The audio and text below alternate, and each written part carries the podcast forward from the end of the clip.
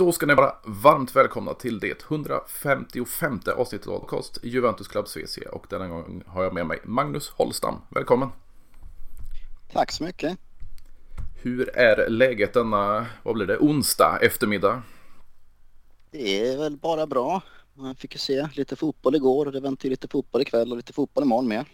Det, vi får aldrig nog. Att, man ska inte klaga. Precis, precis. Och jag brukar eh, börja med när det är en ny gäst. Varför blev det Juventus för din del?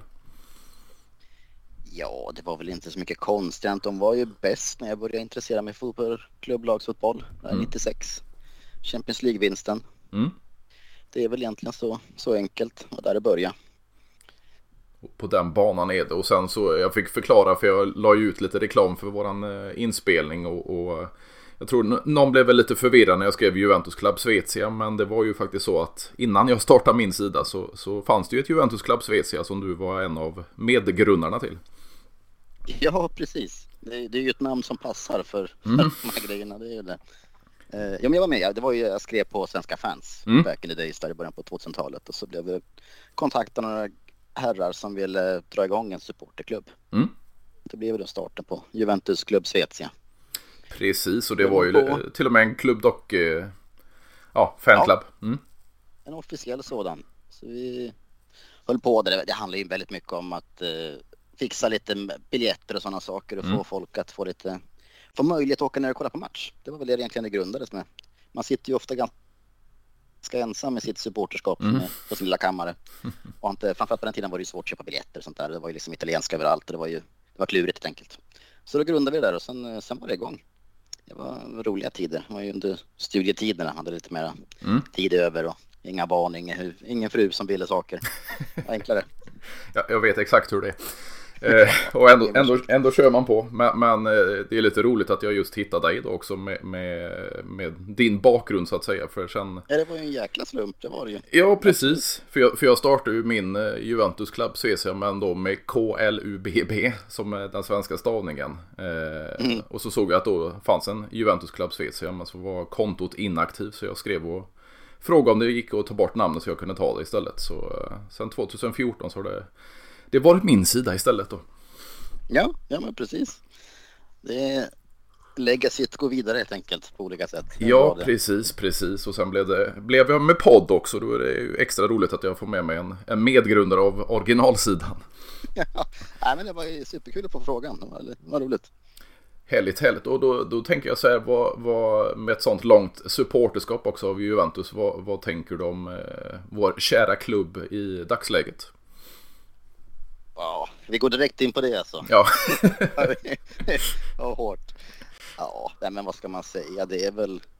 Jag skulle nog ändå säga att under min tid så måste det här ändå vara den största krisen som jag har upplevt som mm. supporter ändå. Det måste jag nog säga. Trots Serie B och sjunde platser i ligan och allt vad det varit under de här åren med, med tuffa, tuffa perioder och förlorade finaler. Nej, det här är ju det är bottennappet. Det, det går inte att säga så mycket annat. Det är så mycket som är problem idag på alla nivåer.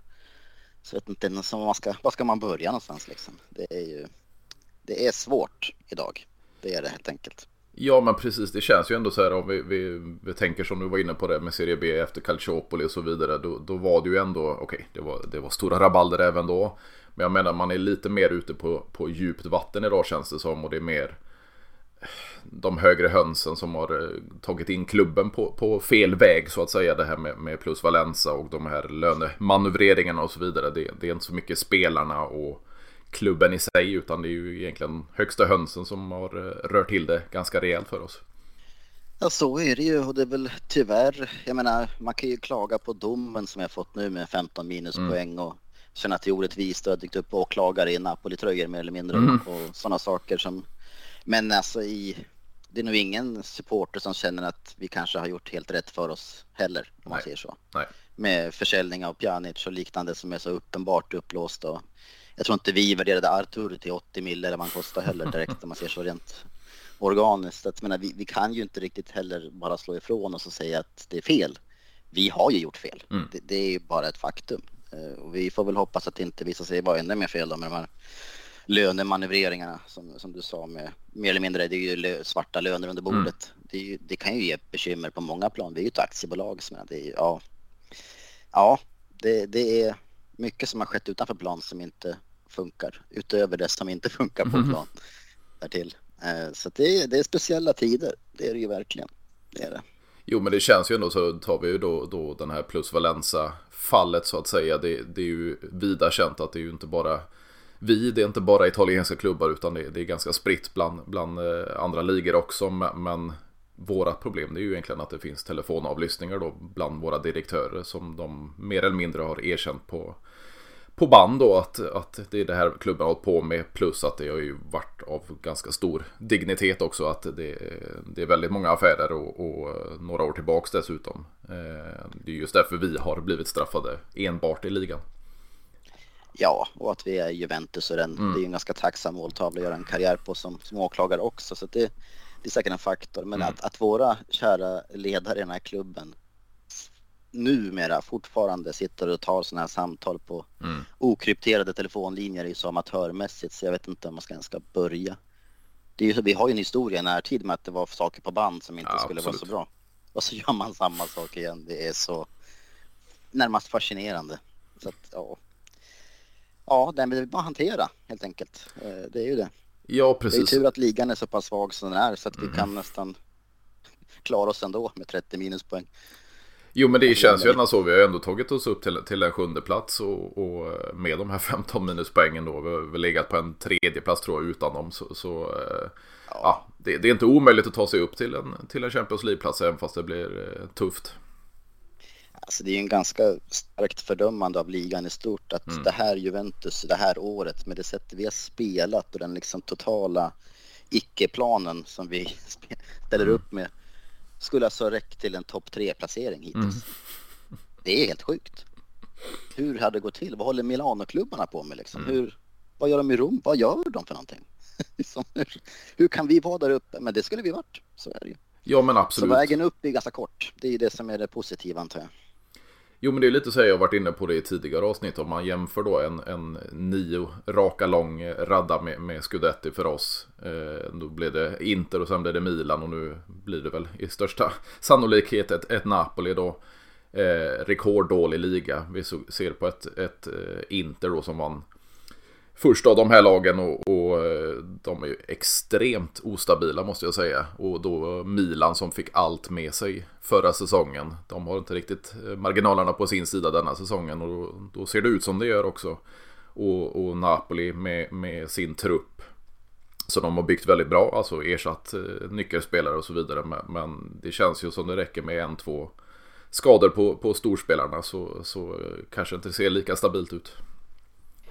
Nej, tittar man på, på nästa säsong om man säger så så är det väl ganska stor risk att Napoli inte har råd att behålla sina stora, stora stjärnor som verkligen har blommat ut här med Osimhen och ja, Kvaratskhelia eller vad mm. nu uttalas. Mm. Eh, att de ska försvinna i närtid känns väl ganska rimligt. Eh, det tror jag. Det blir svårt för Napoli att hålla i dem. Så att på lite längre sikt så finns det ju en ganska kort väg upp till åtminstone Italien-toppen.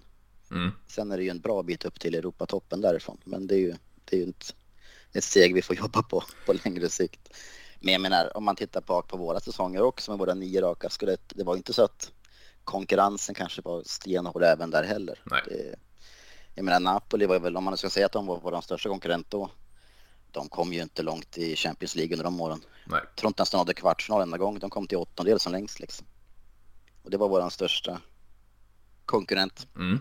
Absolut. Så att de här nio, nio raka ju som vi kanske man ofta tar upp i försvaret av Allegri. Jag vet mm. inte hur mycket, hur mycket det är värt om man ska vara helt ärlig heller. Eh, det har varit en lång, lång väg ner för Serie A, så är det ju. Men om vi hoppar in där, vad, vad, vad, tänker du? Alltså, det var ju fem, fem säsonger i rad med, med ligatitlar under Allegri och, och cuptitlar och superkoppa och så vidare. Två Champions mm. League-finaler. Eh, nu är det snart, eller han är inne på sin andra säsong sedan återkomsten. Vad, vad är dina tankar kring Allegri om du slår ihop de här två sessionerna? Ja, det är väl den första är ju svår att, att säga var misslyckad. Mm. Det, det, går ju inte att säga. Men min tes har väl alltid varit att kanske Allegri var väldigt skicklig på att bygga vidare på det Conte hade grundat. Mm. Det är väl min, min tes att det var Contes grundspel och det var Contes lag som han satte lite finishing touch på och satte lite fin, inte finess kanske, men lite mera det mentala spelet bakom med de här dubbelmötena som han var väldigt skicklig på. Det var där han excellerade. Jag tyckte ju inte att Allegri var rätt person att ta, komma tillbaka och ta över nu när det inte fanns ett dukat bord om man säger så, när det inte fanns en grund att stå på. Jag har aldrig sett att Allegri har liksom byggt någonting.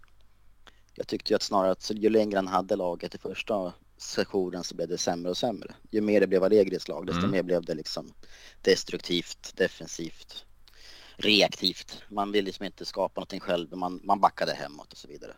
Sen finns det ju förmildrande omständigheter med att man demonterade mittfältet som var liksom hela motorn också. Så att det, är, det är svårt att säga vad som är hönan och ägget i det mm. hela, såklart. Så är det ju. Men jag var ju inte glad när Allegri skulle komma tillbaks. Jag förstod inte det beslutet alls. Man har ju sparkat honom en gång för att det inte funkar. Vad var det man hade tänkt skulle gå rätt den här gången? Liksom? Precis. Jag hade svårt att förstå det. Men eh, det var ju speciella år innan också. Om man tittar på med... Jag blev rätt nöjd. Jag var ju en av få ska jag säga som var rätt nöjd när man tog in Sarri. Mm. Jag kände ju att här, nu blir det ett break. Nu ska vi satsa på något nytt. Nu ska vi tänka modernt. Nu ska han få stöd. Nu ska vi bygga liksom en trupp som ska ja, men, dominera lite grann. Eller åtminstone försöka dominera matcher. Men han fick ju ungefär mycket stöd som jag vet inte vad. Det var ju, det var ju ingen mening att ta in honom. Man hade ju, inget, man hade ju inte någon, någon ambition att, att stötta upp honom med att ge andra spelare material han behövde. Kanske ta konflikterna med spelartruppen som kom med de här som var återstående från lägre tiden och ville spela på ett annat sätt. Så att, eh, att han fick gå var väl inte så konstigt egentligen. Så.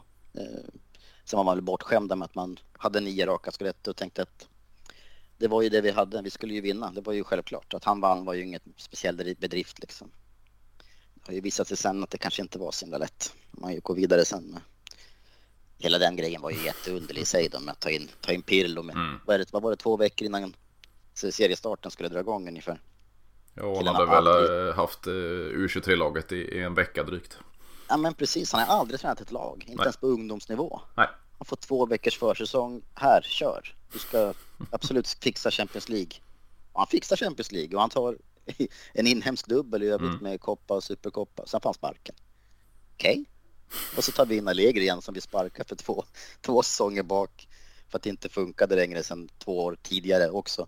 Ja, och nu sitter vi här med ett rekorddyrt och långt kontrakt på en tränare som inte längre skulle vara önskvärd någon annanstans än här. Det är lite deprimerande. Jo, men det känns lite så här om man tänker Allegri då. Det har ju kommit diverse, även från honom själv, men kanske framförallt från hans eh, ja, så kallade mentor då, Gallioni. Eh, att att eh, han har tackat nej till Real Madrid flera gånger och, och diverse Premier League-klubbar och så vidare. Men det, ju, det, känns ju inte som det är någon speciell klubb som har varit ute efter honom. Och han går tillbaks då till ett Juventus. Hade han haft alla alternativen så hade han väl valt något annat. Ja, jag skulle tro det också. Eh, han kan säkert ha haft det under tiden i Juventus mm, när han var som absolut. hetast där.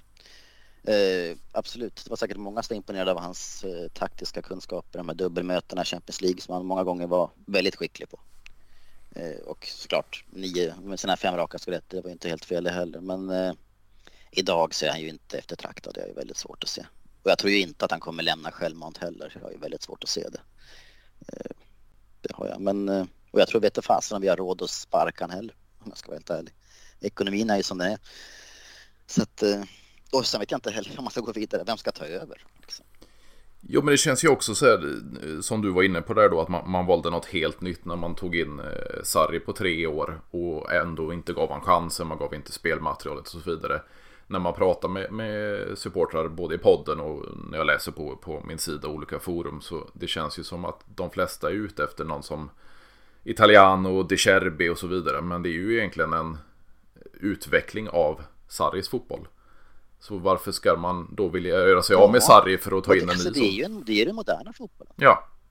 Ja, ja, men man får ju lämna det. Vi har gjort otroligt många dåliga beslut de senaste mm. fem, sex, sju åren. Det är, det är ju bara det är därför vi sitter där vi sitter. Uh, nu är det ju ny ledning ska ju sägas. Mm. Det i sig talar ju för att kanske på vissa sätt att Allegri sitter lösare också.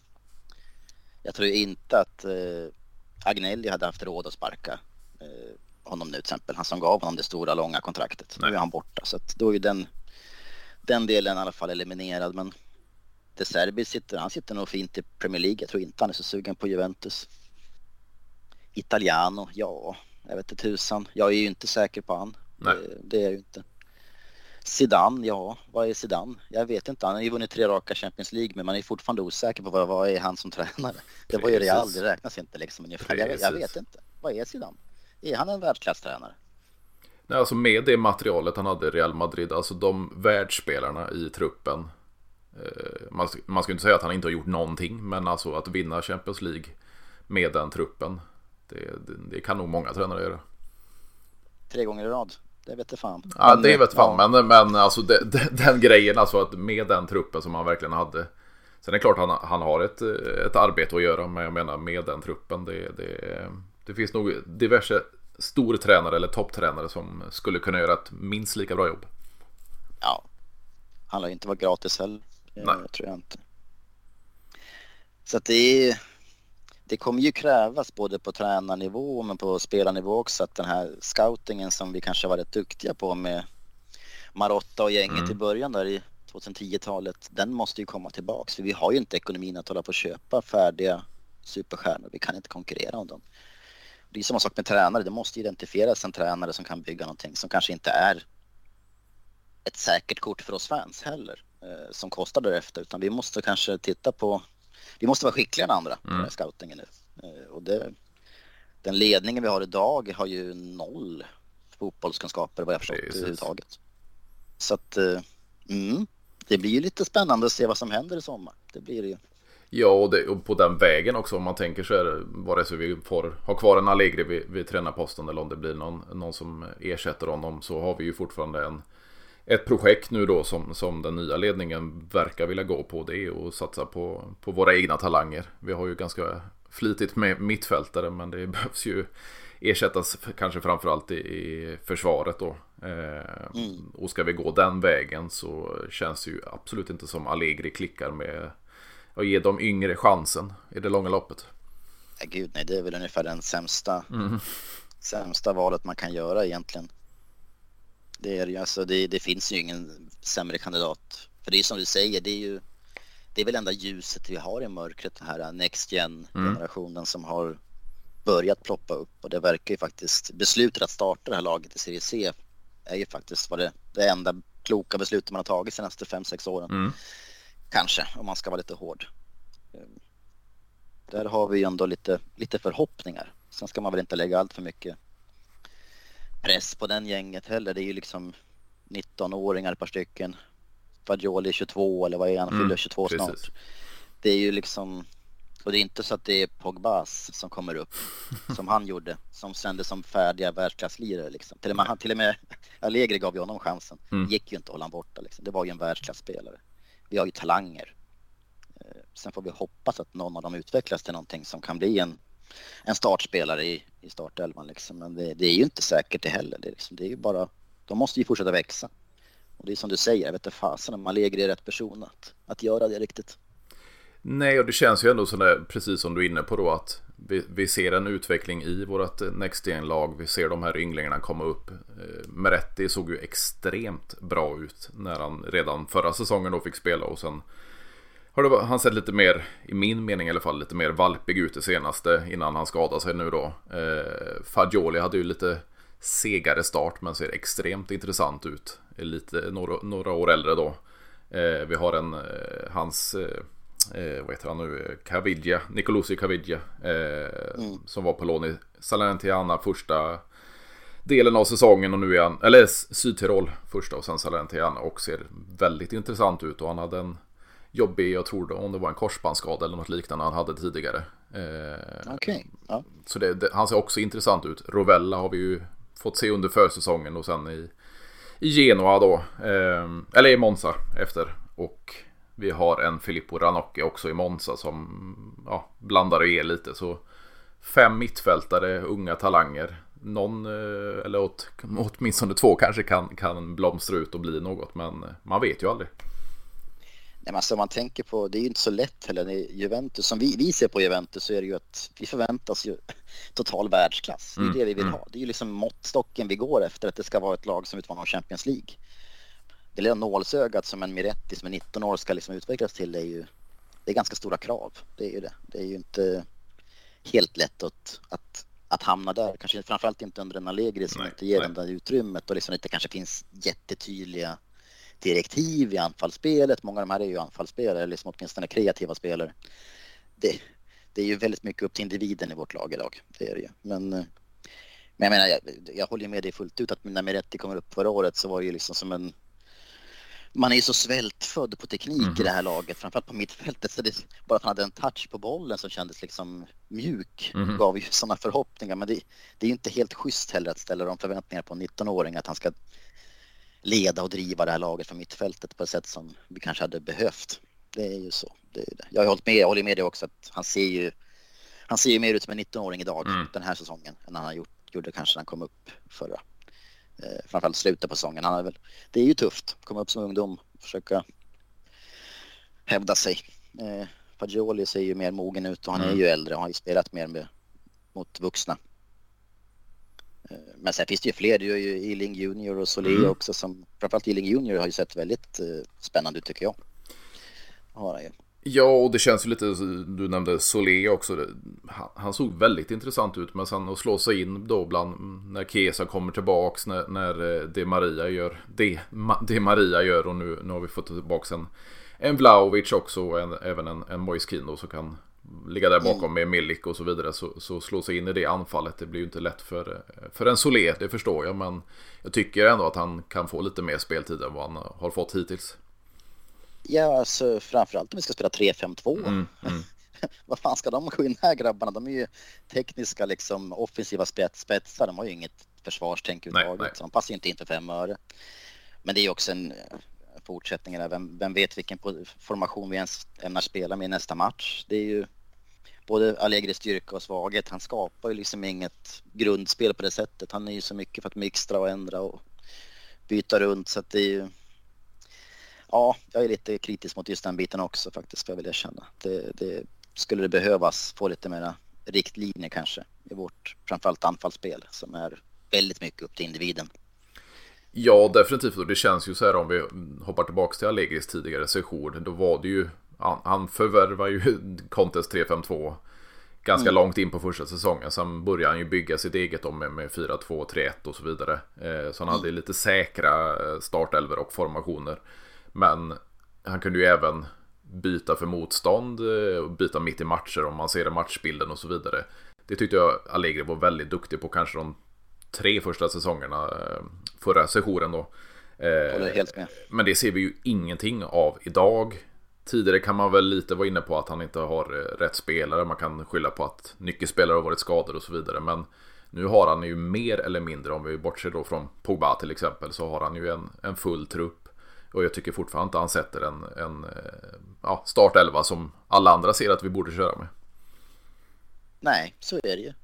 Men det, alltså det är inte bara hans fel heller om man ska ta honom i försvar för mm. skull. Jag är ju inte så mycket för att göra det, men vi har ju en trupp som är sammansatt helt utan plan. Mm. Det är ju massa individuella möjligheter som jag tyckte upp på en marknad som man, ja men då köper vi in honom, vi plockar in han gratis, vi köper han, han är finns det möjlighet att köpa in en sån här spelare. Sen ger man det här pusslet som inte passar ihop till tränaren och säger att nu skapar något av det här. Det finns liksom ingen filosofi överhuvudtaget bakom allting utan det, det är ju bara kaos. här har du 14 yttrar, tre mitt, innermittfältare och så en center. Här, bygg, en, bygg ett lag liksom. Gör en elva av det här. Bara, jag vet inte, hur många mittbackar har vi i vår trupp just nu?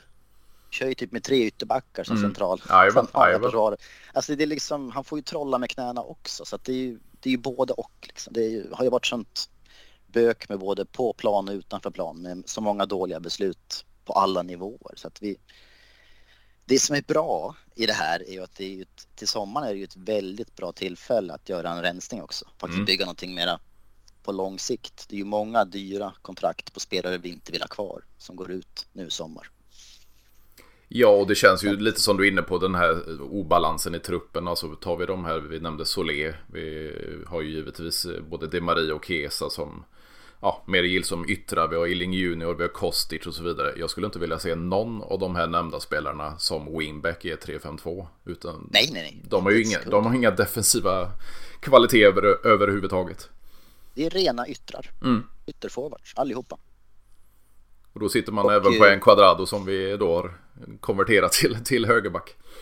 Ja men och det får man ju ge Allegri. Han har ju lyckats flytta runt rätt mycket. Mm. Danilo i mittback också nu och till och med defensiv mittfältare. Alltså det som, han gör ju vad han kan med han har. Och det får man väl ge honom. Men eh, det han kan är ju inte bra nog heller. Ska väl sägas. Han har ju alltid varit väldigt tydlig med till exempel i anfallsspelet. Han tycker ju inte att det Hans, hans roll är att få fram något i mittlinjen och sen är det upp till liksom mer eller mindre upp till individuella spelarna sen att skapa sitt anfallsspel. Jag, jag har så väldigt svårt att acceptera att det är en sanning att han verkligen menar detta. Men jag kan inte, när man ser oss spela så kan jag ju bara, ja, det verkar ju inte bättre. Eh, och det funkar ju för en spelare som Di Maria, liksom, som är mm. av yttersta, yttersta världsklass. Liksom. Men även Di Maria skulle ju vara bättre i ett lag som han, där han vet vad hans medspelare ska göra. Han kan liksom utföra sin magi i någon slags plan. Nu är det ju bara, det är ju kaos liksom. Hoppas att de hittar på något själva ungefär. Vad är meningen med att ha en tränare om man liksom inte ens kan, kan sätta ett grundspel i anfallsspelet liksom? Under mm. sin förra sektion så var ju mycket med att lägga en lång boll på vänsterkanten och mm. hoppas att Mandzukic vinner sin nickduell mot vänsterbacken eller högerbacken där så kanske vi kan skapa något. Ja, det funkade ju halvhyggligt, det får man väl ge honom. Mm. Men han, han är ju inte riktigt modern i sitt sätt att liksom se på ett lagspel kan jag känna. Det, Nej, och det känns ju som speciellt. man kör, kör, lite på gammal, gammal, gamla meriter så att säga. Det här som du nämner då med, med Mandzukic, alltså en klassisk central anfallare som man sätter som ytter. Och det, I många matcher såg det riktigt bra ut med, med, med kraten på, på kanten där. Han försökte ju lite den här rollen, även den här andra sessionen med Morata. Och det, det, känns ju som att nu, nu, funkar det här en gång, nu testar vi det här en gång till, även fast inte spelarna har samma karaktäristik och så vidare. Det känns ju som att han, han, han hittar ju inte på något nytt utan nej, det här har funkat innan, vi testar det igen. Och han kör ja. alltid säkra kort, han kör alltid lite som du var inne på det att det blir destruktiv fotboll. Vi bara försvarar och hoppas göra ett mål och så hoppas vi behålla den här ledningen. Det, det, alla ser ju att det inte funkar. Och, och det, då tycker jag det är extremt konstigt då att inte ledningen ser att det inte funkar. Nej, så är det ju. Sen eh, brukar ju han gå ut själv, Allegri, efter vissa matcher och säga att han är inte är nöjd med att bara laget backar mm, hem. Mm. Att han försöker, man kan ju se på sidlinjen att han vrålar och skriker och som upp, upp, upp. Men jag, jag skiter ju ärligt talat i om han tycker och vill att de ska gå upp, upp, upp. Om inte han kan få dem att gå Precis. upp, upp, upp, då har han misslyckats i sin roll som tränare. Då ska inte han stå där. De lyssnar inte på honom. Det är ju liksom inte, det är inte ett försvar mot att nej, nej, han vill ju att de ska anfalla. Ja, men han får dem ju inte anfalla. Han får dem ju inte gå upp. Då är det ju ingen mening. Så att, eh, nej, det är väl punkt ett. Allegri måste bort. Eh, punkt två är att identifiera någon som kan, kan bygga någonting nytt och ge den människan stöd. Uh, De Serbi hade ju varit fantastiskt, men jag tror han är förlorad för Serie A nu. Han tror inte han kommer tillbaks. Han har det nog väldigt bra där borta i Premier League, ska jag gissa. Det känns lite tråkigt. Det kom ju då väl häromdagen. Eh, det kom uppgifter då att han har tröttnat på, på Brighton, Brightons eh, transferpolitik och så vidare. Men, men alltså hans bana kan störa mig lite. För alltså han var den nya roliga ja. italienska tränaren. Och vad valde han att gå till? Shakhtar Donetsk. Alltså det, den här vägen kändes extremt konstig för mig. Och sen så blev det tyvärr då med, med, med kriget där och då blev det Brighton. Alltså det... Mm. Hans väg känns så jäkla tråkig. Och jag har gått tillbaka till något ja, avsnitt för länge sedan då den nya roliga tränaren skulle bli eh, Di Francesco också. Kom från Sao Solo och så vidare då. Vad hände med han? Det gick åt helvete. Eh, Italiano ser också intressant ut men, men kan han ta ett lag högre än Fiorentina? Vem vet? Alltså det, mm. det, det är så många frågetecken. Jag tycker också De Cherby ser extremt extremt intressant ut. Men med, med osäkerheterna i våran klubb och så vidare. Så jag, jag vet inte om han skulle vilja komma till oss och jag vet inte vad, vad för arbete han skulle kunna göra. Nej, nej det är ju långt på något säkert kort. Eh, jag tycker ju att det är ett ganska bra tillfälle att chansa på något som mm. har ganska hög uppsida. Om man säger mm. så, om man sitter på ett dåligt Serie A, faktiskt hur svag ligan är i stort. Så att det krävs ju inte så mycket för att få till något. Men eh, det är ett misslyckande för, för italiensk fotboll överlag. Jag menar, De Serbi har ju snackats om ett decennium snart mm, nu med, att, mm. Med Guardiola nämnt han ju flertal gånger i olika intervjuer att det är mer eller mindre inspiration. Han kan se hur han bygger upp någonting. Och vi lyckas inte ens, inte en enda toppklubb i Italien har liksom fått upp honom testat. Inte sen nästan en mittenklubb liksom. Det är Nej, ju, nej. vad, vad, vad, vad håller vi på med i det här landet liksom? Jag, jag förstår inte.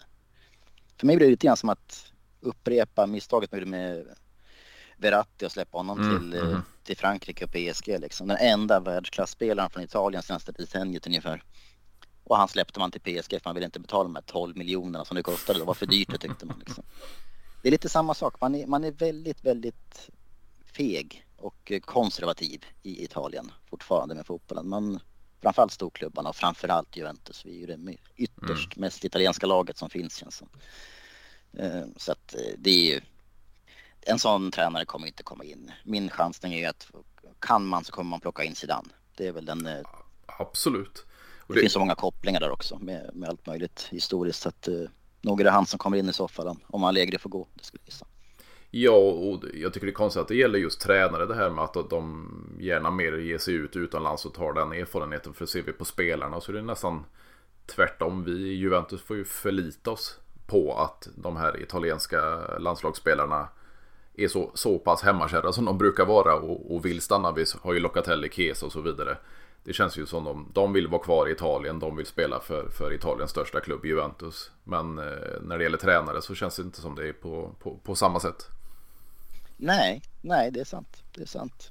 Och det är ju också en, en, en koppling till kanske Serie A's fall senaste Mm. decenniet. Det är ju kopplat till att vi, vi har ju varit otroligt, otroligt dåliga på att få fram talanger av världsklass. Det, Absolut. Det, att landslaget går dåligt samtidigt är inte konstigt. Det, det är ju vårt... Och ska vi bygga italienskt här och liksom vara världsklass då, då är det ju sådana här projekt som Next Gen som måste börja leverera. För det är som du säger, det är de som också kan välja att stanna kvar i, i Juventus en längre period. Eh, Fransmän och vidare, de vill ju gärna vidare till både Premier League och Spanien. Det så har det ju alltid varit, även Ja, med Zidane. absolut. Och det, det känns tiden, ju... Vi behöver ju att Italien börjar prestera. Ja, precis. Och det känns ju ändå som Juventus är, trots de här tråkigheterna som vi, vi lever med i dagsläget med, med olika anklagelser och så vidare, så känns det ju som Juventus väg att man valde det här med, med att bygga sin, e- sin egen arena eh, och högkvarter och träningsanläggning och allting runt omkring. Man valde att starta ett damlag som har varit extremt framgångsrika. Eh, det enda storklubben då i Italien med, med ett B-lag så att säga. Eh, precis som man har i, i La Liga och så vidare att vi, vi har verkligen gått rätt väg för att utvecklas och gå framåt. Men varför väljer ingen annan Serie A-klubb att gå samma väg? Det är lite underligt faktiskt. Jag håller med dig nu när du nämner det. Att framförallt nu när det verkligen börjar poppa upp liksom italienska och andra. Det är inte bara för första åren så var det ju mer för att vi använde det som ett skyltfönster och, och sälja Absolut. ungdomar för upplåsta priser. Men eh, nu så börjar ju faktiskt det komma in och knacka på i startelvan. Det ger ju frukt på något sätt. Hoppas vi i alla fall att det ska fortsätta göra. Mm. Så man tycker ju att Milano-klubbarna som har lite, för sig, de kanske inte har så mycket pengar de heller, men Mm. jag vet inte om de tycker att det är risk att det kostar. Men eh, det kommer ju behövas. Men vi kan inte sitta upp. Jag har verkligen inget förtroende för vår ungdomsverksamhet fortfarande. Det är liksom så ingrott efter, ja men vad fasen, vi är ju, förutom Marquisio liksom, vad har vi Mm. fått upp i A-laget? Det, Absolut. det, är ju, det är ju ingenting. Eh, Men eh, det, det krävs ju för hela ligan och hela landet. Att ungdomarna måste ju komma upp. Jag menar Bayern som är en ganska bra jämförelse med Juventus ändå. De har ju haft en enorm framgång tack vare att de har fått upp otroligt mycket tyska talanger som de bara kan Mm. plocka och dammsuga. Eh, Förutom att de har gjort mycket klokt på marknaden i övrigt såklart. Men eh, det är ju en grund som man måste ha om man inte har Premier League-pengar. Liksom. Du måste ju ha ungdomarna. Så på så sätt är det i alla fall positivt. Det får man ge Agnelli och så vidare att de, eh, de tog det där beslutet och det har faktiskt, det verkar ju sluta ganska väl. Så att eh, det får man ge dem. Verkligen. Ja, absolut. Och det känns ju ändå så här om man, man tar den här eh, ägarfamiljen då, Angeli. Nu är det nu Andrea som känt borta och vi har en kusin, John Elkan då istället som, som eh, styr lite över nya presidenten och vd då. Men med en ny ledning, vi kommer få nya även sportsliga direktörer då. Nu är det ju bara eller president och vd och plus tre stycken som är mer revisorer och eh, juridiskt eh, kunniga då. Men det kommer väl komma in någon Kanske någon Del Piero eller någon Chiellin eller något som, som har den sportsliga delen. Men Mm. tar vi även det här med, med att Cherubini är avstängd. Just nu det är Giovanni Mana då som egentligen är Next Gen sportchefen som, som får arbeta lite med seniorlaget. Men det talas ju om en, en Ricky Massara då från, från Milan som till exempel skulle kunna träda in som, som ny sportchef. Är det något du tror på kan uh, göra en bra? Ja, alltså vem vet. Jag, jag får faktiskt lita på att de här som gör bedömningarna här måste kunna göra dem bättre än vad jag kan och ha bättre mm. insyn. Mm. Men det är ju, det har varit många, det har även varit snack om Marotta återkomst. Mm. Inter är ju också skakigt med ägarskapet där. Eh, vi får väl se. Jag, eh, jag har svårt att uttala mig hur pass bra det skulle bli. Man kan ju bara ha förhoppningar. Det var väl ändå även någon gubbe nere i Napoli, var det inte det som var lite Gintoli. intressant? Jajamän. Ja, precis. Uh, de har gjort ett fint fönster i somras ju, får man ju ge dem. Så att, uh, det är ju mer än det, det är ju ett helt scoutingnätverk som måste funka. Det har ju inte gjort det så jättebra kanske för oss på sistone, senaste fem åren.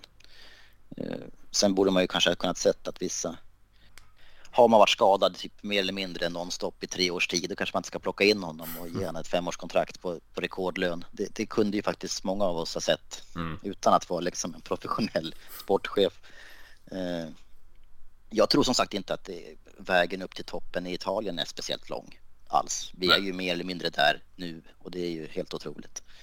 Eh, så att eh, på så sätt ju framtiden kan den ju vara ganska ljus ändå. Det får man ju säga med ungdomarna som kommer upp också. Men som sagt, jag menar, vad, fan, vad är det i sommar? Det är Alexandro, Quadrado, Rabiot. Mm.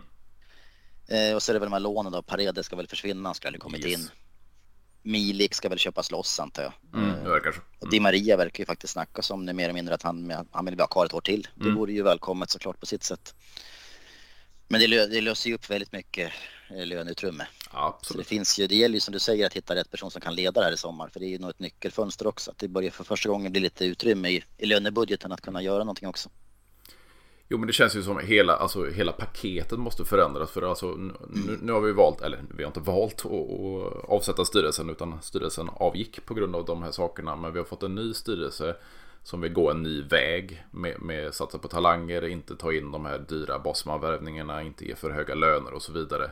Och då gäller det ju även att man har, som vi har varit inne på, då, en rätt tränare för det här projektet. Men även sportchefsjobbet för tar vi då, då Masara, han har väl gjort eh, tillsammans då med Maldini i, i Milan ett väldigt fint arbete med att få in från lite andra ligor då, Magnon från, från eh, Liga och så vidare, att man, man hittar de här guldkornen i, lite andra ligor. Där gör de ett bra arbete. Eh, Juntuli har ersatt nyckelspelare både i, i försvaret och, och offensivt i, i Napoli. Eh, Marotta vet vi vad han, vad han gör i, i Inter och vad han gjorde hos oss. Så det beror på vilken väg man ska gå. Då får man lite som jag varit inne på när vi fick tillbaka Allegri då och inför egentligen förra sommarens fönster. Då, att man får ju pinpointa spelare som passar in i en viss spelfilosofi under en viss tränare. Och, och, väljer man då en ny sportchef nu så behöver man ju även pinpointa en sportchef som är i riktning med ett nytt projekt. Ja, och det projektet kan ju inte utgå från Allegri. Jag, jag har så svårt att säga att det, det, kan inte vara vägen framåt. Liksom. Men det är så undrigt, nu vet man inte nu bara tidningsrapporter och sånt, men det är ju vi har ju vårt mantra att det enda som är viktigt är att vinna mm. liksom, mer eller mindre. Det blir så kortsiktigt tänk. Vi verkar ju utvärdera Allegri på liksom, ja men du ska komma fyra och klara att vinner du det här nu så får vi får Champions League mm. då får du vara kvar ungefär. Och det, det är ju så fel sätt. Det är ju bakåt i tiden. Du ska ju se vad, vad vill vi framåt? Det är ju det vi vill. Vi måste utvärdera om han är rätt man att leda oss i framtiden, inte baserat på vilka resultat han fick igår. Det är ju så dumt. Men det är ju det vi gör. Vi verkar ju inte ha någon tanke på hur liksom spelet utvecklas, hur truppen utvecklas, är det här det bästa för ungdomarna på sikt? Vad vill vi någonstans? Projektet som du nämner. Mm. Det, Allegri är ju en perfekt sån här, ja men fyll hålen, hoppas vinna nästa match. Mm. och det är ju inte det bästa sättet att liksom komma och vinna matcher på sikt. Det är ju verkligen ett kortsiktigt tänk. Så att, men jag vet inte, hur långt kontrakt har Allegri? Det är två år till efter denna säsong. Ja. Ja, den lönen ska vi betala oavsett. Det kanske är bättre att betala den och han får sitta vid sidan av och så får han gå in och faktiskt eh, grooma de här ungdomarna och bygga någonting på sikt som ska bli någonting mer långsiktigt och hållbart. Jo, men jag känner också det om, om, man, om man tänker så här, nu är inte jag någon finansexpert långt ifrån, men, men jag menar man, har rensat nu i styrelsen. Det är ändå Elka som är högsta hönset. Det är ju inte så att det är en, en eh, fattig familj och ett fattigt företag om man säger så. Eh, vi har redan gått in med de här med, med kapitaltilläggen och så vidare. Men ser man kortsiktigt och långsiktigt att de eh, går in och hjälper till och betalar av en tränare som inte är önskad av klubben och verkligen hårt satsar på det här nya projektet med ny ledning, ny sportchef, eh, ny tränare. Och så, så vi satsar framöver. Då är det väl ändå värt de här pengarna och betala av Allegri. Ja, så som sagt, vi har ju den kostnaden oavsett. Ja. Vi har ju skrivit på kontraktet så att uh, han får ju betalt oavsett om man ska styra laget eller ej. Mm. Uh, så det är ju frågan är ju mer om att, ja men ska han styra laget? Jag har så svårt att man landar i att svaret ska vara ja. Mm. Uh, jag ser liksom inga tecken på utveckling någonstans. Och även fast, ja, som du sa, nu börjar ju spelarna komma tillbaks liksom. Det är ju inte så att det har blivit någon förbättring i kvalitet. Det är ju förbättring i individuell kvalitet kanske här och var. Men laget. Det finns liksom inget. Han har ingen ambition att bygga ett lagspel Nej. annat än just Nej. på defensiva sidan. Liksom. Det är ju... Och jag tror inte det är hållbart på sikt. Så är det Men alltså visst, Di Maria är ju en fantastisk spelare. Mm. Men som du sa, jag har egentligen inget emot att han lämnar i sommar heller och ger utrymme till Illing Junior och Solé och så mm, vidare. Mm. Mm. Eftersom vi har Kostic och vi har Chiesa därtill. Ungdomarna, om de ska få, ska de utvecklas så måste de ju få en chans. De måste ju få speltid. Ja, det de har känns inte gjort bort sig heller. Nej. Som när de väl har spelat. Och det känns ju hela tiden om man tänker så här med, med det här med ett ungt lag. Så länge man har en, två så kallade pappor på, på plan. Så ska man ju låta de här unga utvecklas. Alltså vi, jag har inte mycket för Bonucci och väl inte haft sen återkomsten från, från Milan där. Men, men att ha en ledare, en veteran som, som styr och ställer på planen. Men du har ett gäng ynglingar som får chansen. Det är ju enda sättet för dem att utvecklas på. Det är det Så är det ju. Eh, absolut. Men vi får väl hoppas att de börjar tänka om lite grann med det här. Med det, ju, det var ju ganska tydligt liksom i sommar med att man lånar in Paredes och lämnar, mm. låter Rovella gå på lån. Det var ju som varför? Ja, ja. Ta på en extra lönekostnad. Han är, han är inte bättre. Han är ungefär lika Dan skulle jag tänka mig. Paredes och Rovella, de skulle nog vara ungefär snarlika. Mm. Varför inte det bara låta ungdomen vara kvar och spela liksom? Eh, det tyckte jag var ganska uppenbart. Men eh, ja, vi... har, jag kan tänka mig att här var nog Allegri inblandad också. Han vill nog ha rutin, han vill ha garantier om man säger så. Det ser han nog som väldigt viktigt. Att minimera misstag och sådana saker. Ungdomar gör ju ändå ungdomliga misstag. Mm. På sätt som kanske inte han accepterar. Men att de samtidigt gör ungdomliga underverk också åt andra hållet med liksom att se möjligheter och sådana saker. Han är ju inte en sån tränare som premierar det riktigt utan det ska ju vara säkert, stabilt, tryggt. Så att som du sa, han är ju inte rätt man att leda ett ungdomslag direkt framöver. Nej, och det känns ju inte så här, alltså, han känns ju lite som han varit inne på själv, med lite dinosaurietänk om man, om man säger så här, om vi jämför då med, du nämnde tidigare, en Guardiola. Jag jag har väl mina åsikter om, om han också. Men jag menar det här att han, han det här med inverterad ytterback och så vidare. Han, han, utvecklar spelare, han utvecklar dem på andra positioner som de är vana vid. Han utvecklar ett spel, han har en filosofi, han kan experimentera och så vidare. Allegri står hela tiden kvar vid, som du säger, med säkerhet, med erfarna spelare som vet vad de ska göra. Det är ju egentligen inte ett tränarhantverk på samma sätt, utan det är ju att han han leder en, en, en startelva och det är spelarna som leder sina med, medspelare så att säga. Det, det är inte tränarhantverk på samma sätt.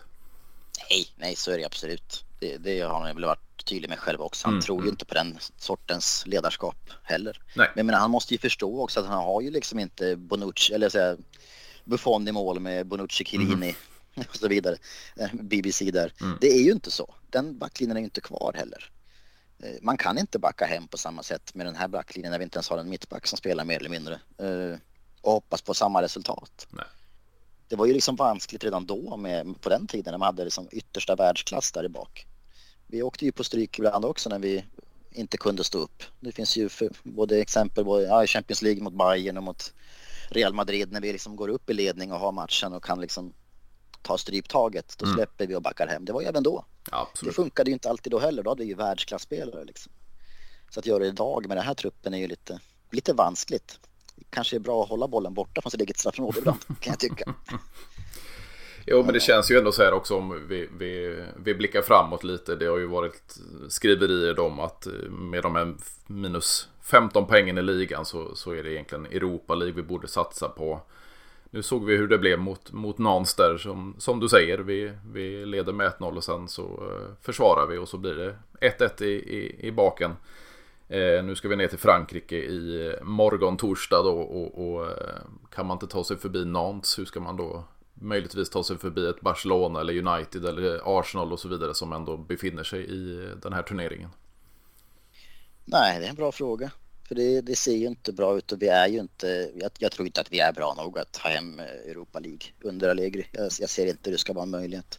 Däremot så ska ju Nantes ska ju vara en munsbit, mm. även på bortaplan, även med Allegri, även med truppen är så pass bra. Så att det, och det finns inga risk för åka ut på bortamål heller för den delen. Så att, nej, nej det, den ska ju bara, det är ju ett fullt rimligt krav att fortfarande med ett kryss hemma gå in och, och ta en bortaminst mot Nantes om det behövs liksom imorgon. Det, det är ju ett minimalt krav man ska ha på det laget. Det finns ju inga lag i Europa League vi ska åka ut mot egentligen förutom Barca, United, Arsenal. Det är de enda acceptabla förlusterna att ta mm. i det här. I övrigt så är det ju liksom, ja, Fenerbahce och liksom, det är den kvaliteten. Det är ju Europa League-lag i övrigt och där ska vi vara bättre. Om vi kommer vara det däremot, det är kanske en annan sak. Jag är inte alls säker på att vi kommer vinna imorgon och ta oss vidare. Men det är ett rimligt krav. Det bör det vara. Definitivt. Dessutom så har vi ju då ett, eh, ett Derby d'Italia i semifinal i Coppa Italia. Är det en, en trofé du tycker vi bör gå för för att åtminstone få en, en titel den här säsongen? Alltså personligen så är jag inte så himla brydd om att ha en titel om det är Coppa som det gäller liksom mm. faktiskt. Vi har ju, jag tror däremot klubben värderar det väldigt högt. Vi har ju det här med vinst enda som räknas. Men jag tycker inte att om man tänker på lång sikt så har det fan ingen bäring överhuvudtaget med de här kopparvinsterna. Vi har fått våra, vi, vi måste satsa på att Europa League, framförallt handlar det om att bygga ett spel på lång sikt, men det är ju liksom en utopi i nuläget. Men visst kan vi ta koppa, det är inte omöjligt. Eh, slipper vi möta Napoli så har vi ju chansen. Jag tror inte vi kan slå Napoli i det här läget för vi är för dåliga, de är för bra för det. Eh, men eh, nej, jag tycker inte vi ska satsa speciellt hårt på det faktiskt. Det tycker jag inte. Det är väl ett bra läge då att släppa ut lite mera ungdomar som kanske mm. inte fått så mycket speltid heller.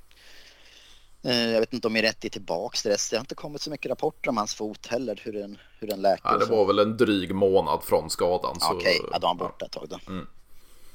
Men, men, det känns ju ändå som, alltså, om vi, vi är överens om att vi inte tror på att vi kan ta hem ett Europa League och vi inte bör satsa på koppan. Då är det att ta igen de här eh, 15 minuspoängen i ligan för att då komma till Europa nästa säsong. Ja, Europa är nog en möjlighet i alla fall. Men ja, det är ju stor risk att vi får mer än en av de här 15 minuspoängen. Sen kommer det väl bli en juridisk framtid därefter också med överklaganden och sådana saker. Det är ju olyckligt när sånt här sker mitt under säsong. Det borde ju komma i efterhand om något eller så där. Det är lite borde komma inför nästa säsong kan jag tycka också mm, egentligen. Mm. Det är ju, men det är som det med, med sådana saker. Men alltså, ska man vara krass, jag vet inte, hur mycket har vi att spela för i år egentligen? I någon tävling? Har vi någon Nej, ambition? egentligen någon, inte. I någon tävling vi ställer upp i? Eh, tyvärr, jag, jag har ju väldigt svårt att se att vi ska vinna Europa League när det finns bättre lag på plats där som känns mycket tryggare. Eh, jag tror vi åker ut, ja, vi kanske tar oss förbi något ska jag väl säga, jag ska inte vara alltför negativ, men det, det ser ju inte bra ut menar, bara matchen i helgen mot liksom laget som sitter, ligger två poäng över nedflyttning. Mm. Spelar ut oss fullständigt under 20 minuter i andra halvlek. Vi skulle ju torska den matchen om inte Perin står på huvudet mm. och är mm. liksom prime Buffon plötsligt. Vi kan inte ha så mycket ambitioner när vi titt som tätt spelar på det sättet. Det är ju det, det är svårt att ha ambitioner och som tro att man ska komma så långt. Det, det är för mycket som inte stämmer liksom. Och där är också en intressant sak när du nämner Perin där. Alltså vi har ju både en Perin som, som har extremt bra räddningsprocent och även en Kersny som första målvakt. Mm. Det känns ju inte som målvakt, även fast många diskuterar det här fortfarande att vi behöver en ny målvakt. Det är många som fortfarande pratar om Donnarumma och så vidare. Men, men det känns ju inte som det är huvudproblemet. Nej, för tusan. Jag menar, Perin har ju varit ligans bästa målvakt mm. de matcherna spelat mer eller mindre och Chesney har varit bra. Det är mm. ju inget fel på hans insatser heller jag hoppas ju att vi visar det. Kerstin hade väl ett jättefint VM här också, hade han inte mm, det? Absolut. jag hoppas att han får spela mycket nu och gör det jättefint i ligan och så kan vi sälja honom och bli av med den där jäkla, det är en enorm lön han sitter på. Väl näst högst lön i hela lig, laget, mm, mm. laget tror jag. Bli av med i sommar, kan Perin gå in och ta den där, han har ju väldigt låg och fin lön. Eh, ta in någon liten backup till honom, spara lite mer pengar och kanske bygga, lägga de pengar på något annat som behövs mer. Jag tror inte vi har råd att ha den här lyxen med två jättefina målvakter. Framförallt när Kerstin har en så otroligt hög lön. Kan man bli av med honom på något sätt så är det ju värt väldigt mycket. Inte för att det är något fel på hans insatser, det är fel på hans lön. Mm. Vi har inte råd med det helt enkelt. Eh, men vi får väl se, det beror ju på vem som tar över, vad han premierar och så. Men jag känner mig jättetrygg med Perin mm. i sig. Han har ju varit hur fin som helst. Det finns ingen anledning tycker jag att ha kvar Chesney för fyrdubbla lönen liksom. Ju... Men som du säger, det finns ju inget, det är ingen anledning att kolla på någon ny dyr och fin målvakt. Där finns ju inget problem överhuvudtaget. Det finns gott om hål att stoppa de pengarna i både i backlinje och mittfält och kanske anfall också. Ja, definitivt. Och, och, och, det känns ju ändå som så här, det är klart, jag har alltid eh, vurmat för det här och Italiens nummer ett i, i mål mm. mellan stolparna. Men, men att ta in en Donnarumma lär ju vara omöjligt rent eh, finansiellt från PSG och sen lönekraven, det, det finns ju inte på kartan. Nej, och han är inte bättre. Nej, faktiskt inte i dagsläget. att han är en otryggare målvakt mm. faktiskt. Mm. Han har höga toppar men han har sina dalar också när han gör faktiskt ganska mycket misstag. Det har vi, inte annat vi märkt när vi har spelat mot dem under Milan-tiden när mm. de koppar mm. Han tappar in bollar i eget bur i, på löpande band mer eller mindre. Han är ju lite valpig fortfarande faktiskt. Eh, inte helt stabil men eh, jag håller med dig, det är ju fint. Man vill ju ha italienska målvakten i, i Juventus, så är det ju. Vi har varit bortskämda med Buffon också mm. under ett par decennier liksom. Skulle kunna plocka in honom här om man vill spela till nästa säsong. Han kan vara reserv till Perin. Ja, herregud den här var det cupmatchen mot det Inter. Fint. Det är herregud. 45 eh, år. Det, det... Ja. Mm. Ja, det vore väldigt vackert att ta tillbaka honom. Jag skulle jättegärna se det. Eh, men eh, ja, jag vet inte om man är så sugen på det nu. Många gånger ska han sparkas ut från Juventus när man börjar tröttna liksom. Ju... Han har väl en viss stolthet också kan jag tänka mig. Jo men absolut och sen, sen, tycker jag ju det här med, med det har ju varit väldigt diskussioner det här att Maldini då blev perfekt in. Det var inte harmoniskt i början när Maldini kom tillbaka till Milan men, men nu har han satt sin roll och fungerar väldigt väl mm. i sin, sin eh, gamla klubb. Vi har ju diverse spelare som har varit inne, men det är ju mer ja, Nedved givetvis som vicepresident. Men jag menar, vi har haft en Trezeguet, Camonaresi som ambassadörer och allt vad det heter. Jo. Men, men jag menar så är det. För sin skullroller. Jag menar det, alltså ska vi få in en, en legend, det talas ju om Del Piero då med, med sin legendstatus. Vi har en Klini med då en ekonomisk eh, utbildning, vi har en Buffon, alltså målvaktstränare eller vad som helst. Bara man mm. hittar rätt position och rätt uppgift och roll för de här legenderna så har jag inget emot att ta tillbaka dem givetvis. Men man ska inte ta tillbaka spelare bara för att. Nej, jag ser ju, alltså jag har ju ingen koll på, de var ju duktiga på plan. Mm, men vad vet du som duktiga de är utanför plan? Det finns ju stor risk att ta in, det är ju inte så att det går rätt varje gång man tar in en gammal storspelare på Nej. en beslutande fattning direkt. Det, så är det ju absolut inte. Jag tar ju lika gärna tillbaks eller tar in någon som har demonstrerat att de fixar det som mm. du har nämnt där, både från Milan och Napoli och sådana saker som har gjort det här arbetet förut och fått det att funka. Chiellini känner jag ju, där finns det ju, han mm. har ju mm. ändå en utbildning i grunden, han verkar vara intelligent. Ja, absolut. Del Piero har ju aldrig sagt speciellt mycket i livet överhuvudtaget, så jag har faktiskt ingen koll på hans nej, kompetens nej. i övrigt. Eh, Buffon har ju alltid känts som en stabil och klok människa, men eh, har han öga för fotboll utanför plan? Jag vet inte. Nej. Det är ju, jag håller med dig det du säger, att det vore ju väldigt fint. Eh, men jag vet ju inte om de är kompetenta nog, rent krasst. Det är ju mycket som talar för att det kanske inte riktigt, sen klart Del Piero hade väl, sättet han fick lämna på har väl alltid varit lite, mm.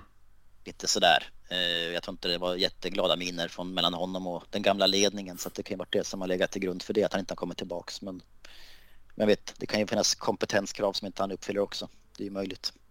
Definitivt och det, det, känns ju, vi har ju fått andra eh, folk tillbaka. Vi har ju bland annat då en Paolo Montero i, i Primavera-laget som tränare och han har ju gått sin gång som, som tränare innan. Nu går det ju väl inte spikrakt för honom i, i Primavera-laget men, men, det är ju ändå att man har tagit tillbaka sin gamla spel. det är svårt också. Man har, mm. Halva truppen är ju Next Gen istället mm, liksom. Så att, eh, det är många där som skulle varit med, till och med från A-laget skulle ju kunna vara med i Primaveran hade gjort en jätteskillnad. Så att jag tycker det går ganska bra ändå för ungdomslagen. Man tänker på att vi ändå har det här mellansteget med Next Gen som, som sväljer många. Mm.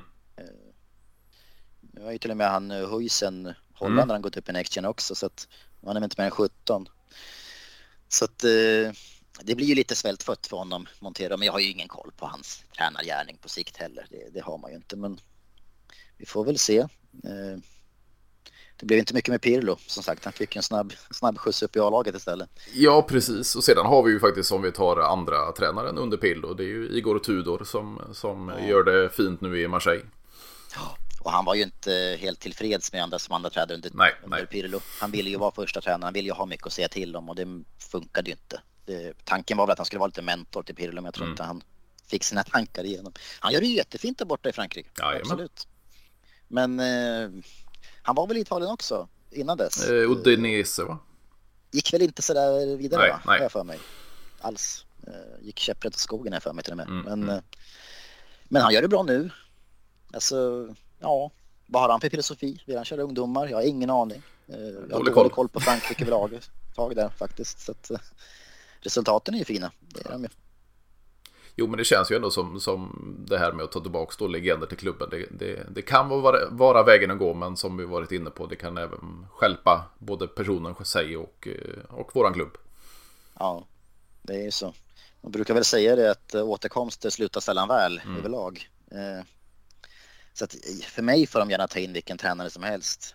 Alltså vilken nationalitet som helst mm. utan någon som helst koppling till oss om det är rätt tränare. Det struntar vi Jag är svältfödd på att se någon slags projekt i Juventus. Jag eh, ser fram emot något sånt med stor tillförsikt. Det vore fantastiskt. Men eh, för det är ju det, det måste ju vara på plats kan jag känna till sommaren. Om vi ska mm. liksom börja bygga en trupp för något som annat än Allegri så måste man ju också ha en plan.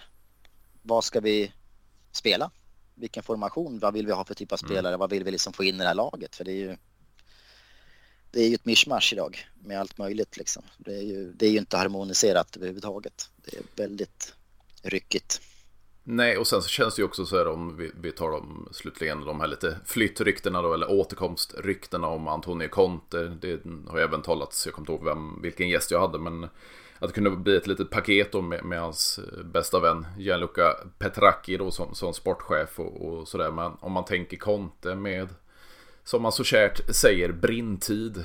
Två, tre säsonger och sen så eh, mm. väljer han att lämna och nu kan det bli ännu kortare tid hos, hos eh, Tottenham då. Eh, ser du att Conte skulle vara mannen för att starta ett nytt Juventus och sen gå vidare och vi tar in någon senare eller eh, skulle du inte vilja ha tillbaka honom alls? Nej men det har ju runnit en del vatten under broarna. Mm. Jag hade väl, alltså jag tror jag twittrat igenom det också med här mm. i nu när Allegri kom in och sa att om man ska vara rent krass så hade ju Conte varit ett mycket bättre fit att börja om med än Allegri. Det var mm. min åsikt då. Mm. Just att han har ändå en förmåga att få även usla trupper att prestera med ren viljekraft mer eller mindre. Eh, det, på sätt och vis skulle det kunna vara en ny start. Men jag vet inte fasen där med återkomster är så himla lyckat. Igen liksom. Ska vi gå ännu ett steg tillbaka mm. efter? Mm. Vi, vi försökte med Allegri, då går vi ett steg tillbaka till Conte. Det är ju inte att se framåt direkt. Det är det ju inte. Men om jag ser nog hellre Zidane till exempel. Det gör jag.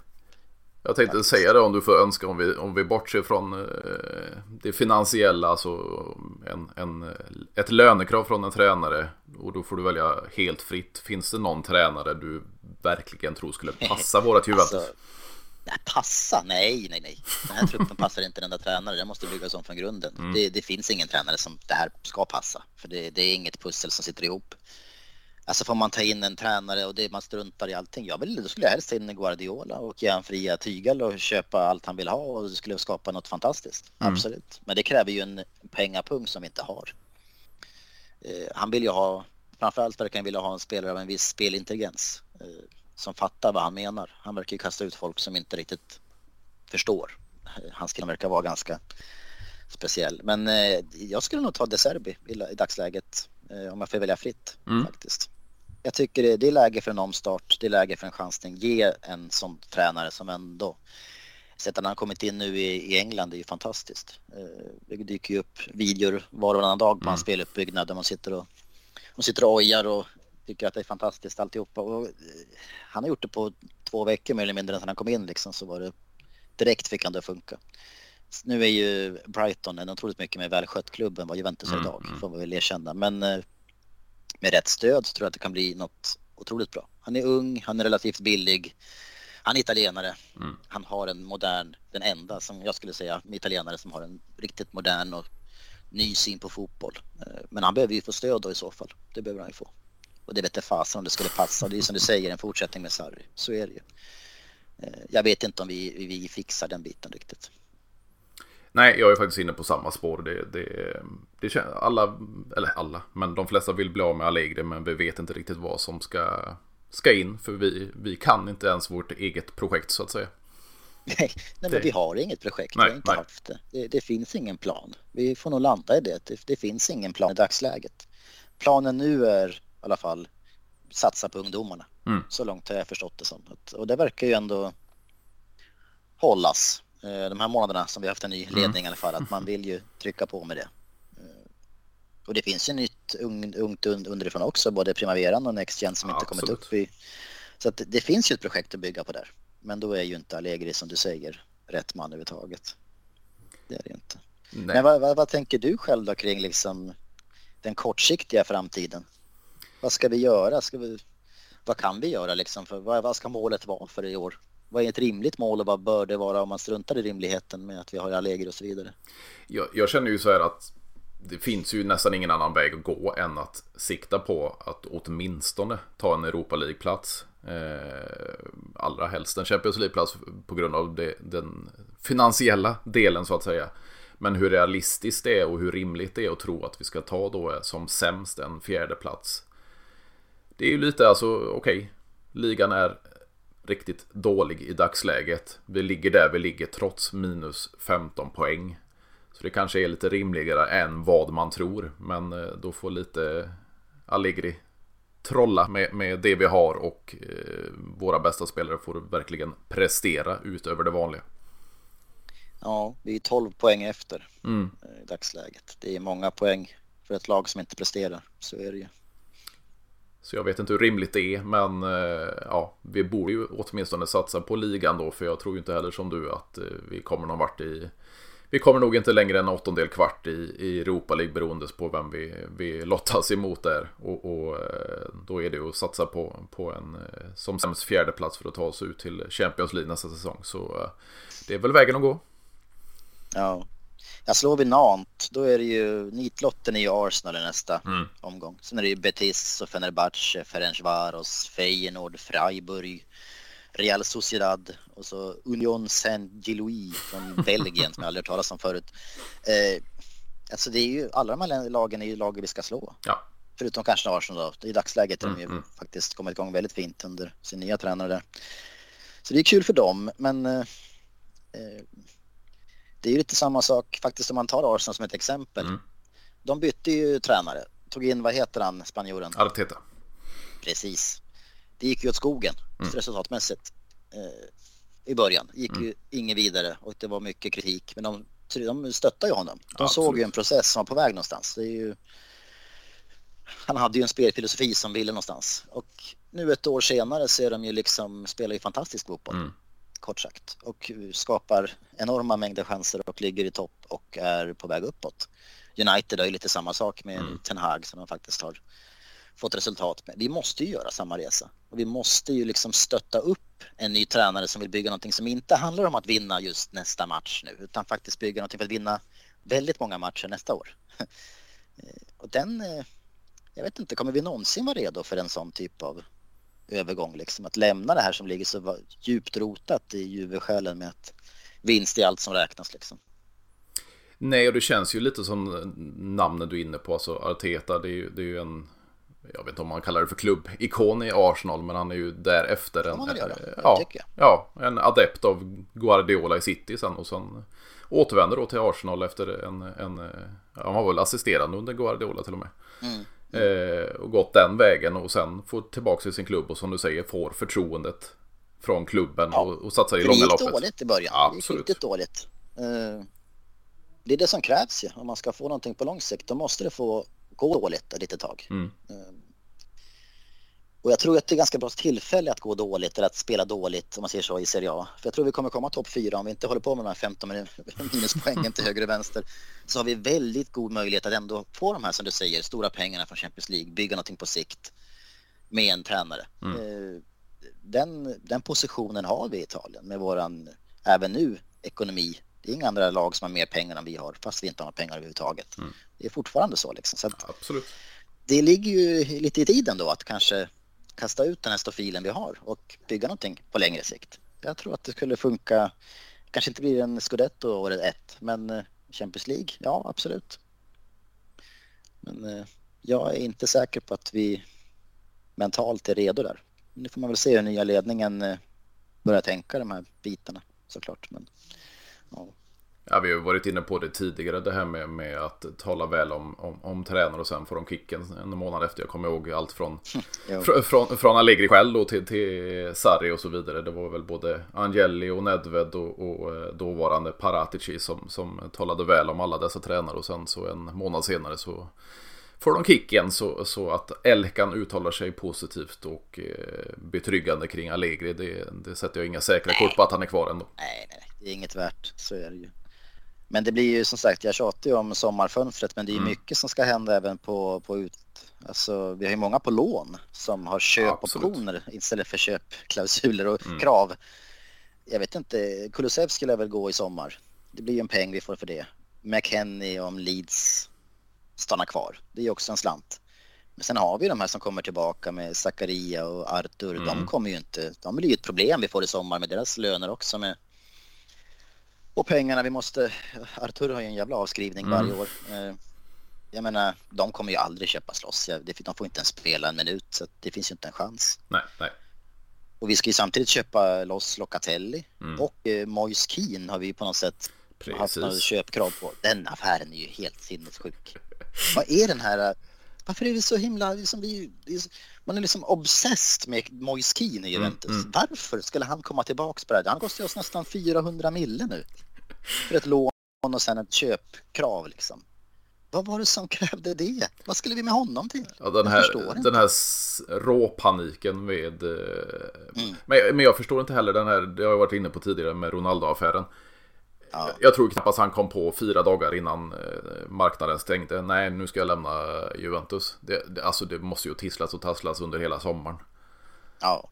Det, det, nej, det, jag tror inte på det här. Och, och då man får man panik. Man var inte förberedd helt enkelt. Nej, nej. Men alltså, jag, jag förstår inte. Nu, nu sitter vi med Kino. Han ska, han ska ju köpas loss. Ja, det är ju ett krav. Det är Absolut. inte ett val vi kan göra. Utan den här filuren ska vi köpa loss. Och sen går det massa rykten om att han ska säljas. Men den, det blir ju ingen plusaffär på den försäljningen. Alltså det, det är ju kört. Eh, det är ju bara uppenbart. Men han är ju inte bra nog för att spela ett lag som Juventus. Det, det... Nej, och jag tycker inte även, vad var det innan VM? Då var det väl eh, mål i tre, fyra matcher i rad. Och sen gjorde han ju målet nu senast. Sådär. Men, men jo, det räddar absolut. han inte någonstans. Nej. Nej, men alltså visst han har, han har fått in ett par bollar och det är jättebra. Vi tackar och bockar. Men mm. han har inte tekniken, han har inte mentaliteten, han har inte spelförståelsen i övrigt för att spela ett lag som Juventus. Framförallt inte för de pengar som vi nu uppenbarligen ska spendera på mm, honom. Mm. Men vi har ju köpt för dyrt. Vi har en lång historia av att köpa för dyrt när det gäller anfallare. Mm. Det är ju, eller lång historia ska jag inte säga, men från Higuain till Ronaldo mm. till eh, Vlahovic för mig mm. också. Jag tycker jag vi betalade ofantliga summor för en ganska begränsad spelare som är just en avslutare. Mm. Han är en ofantligt bra avslutare, Vlahovic, men vad vi behövde när vi tog in honom var ju inte en avslutare. Vi skapade ju inga chanser. Nej, så Han får ju inga chanser att avsluta. Det är ju liksom, det är ingen mening då. Vi hade ju behövt få in någon mer som var mera, kanske lite mindre målfarlig, men desto mer kreativ och skapande på topp. Mm. Men då lägger vi 80 mille på pengar, pengar vi inte har på Vlahovic istället av någon anledning. Eh, så kunde vi låna in, jag menar, idag så har vi ju nästan mer nytta av vår, våra andra anfallare än vi har med, med mm, Vlahovic. Om man mm, tittar på mm. med Milik, vad han erbjuder som bollmottagare och så vidare. Eh, sen är det ju lite så extra salt i såren när liksom i januari när Atletico fick Depay för typ 3 miljoner euro. Ja, han hade ju varit ganska fin att ha på topp. Det hade ju hjälpt mycket. Som inte mm. vi, vi har ett anfallsspel så är det inte så mycket mening att ha en, en Blaovic som inte får några chanser. Liksom. Han är ju, trots sin storlek, begränsad i liksom, sättet han kan mm. ta emot och bygga spel och hålla emot. Han har, han har haft jätte, jättebekymmer med det sedan han kom till oss. Det är ju, han är inte riktigt där. Jag tyckte till, till och med han såg trubbig ut nu mot, eh, mot Spezia. Ja, ja, visst. Eh, det gjorde han. Det var väl ve veckan innan dess. Vilka var det vi mötte när vi faktiskt vann en match med en 2-3-0 eller någonting? Eh, innan Spezia, nu tappar jag namnet. Men eh, då, faktiskt för första gången, så var det så att Blaovic vann sina dueller. Mm, mm. Det kom ganska mycket bollar på honom och han vann duellerna. Han har haft enorma bekymmer att vinna dueller mot sina backar. Han har sett svag ut rent ut sagt. Han är ju stor ändå, lång i alla fall. Salernitana var Ja, ja. Mm. och där var han, det var hans bästa match överlägset skulle jag säga i Juve-tröjan. För där, alltså spelmässigt, om man struntar i mål och sådana saker som han har gjort i vissa matcher. Och, han är ju vass där, men mm. då var han med och byggde liksom ett anfallsspel på ett sätt som inte jag sett förut. Jag blev nästan lite hoppfull en stund, mm. men vi får väl se om man kan fortsätta på det. Han är ju fortfarande rätt ung, men jag har så svårt att förstå varför vi pungade ut de här pengarna från dem. Eh, vi, det var ju inte alls vad vi behövde överhuvudtaget. Vad, vad, vad tror du avslutningsvis Dusan Vlahovic med ja, den, den eh, tiden han haft hos oss. Det är ju eviga flyttrykten.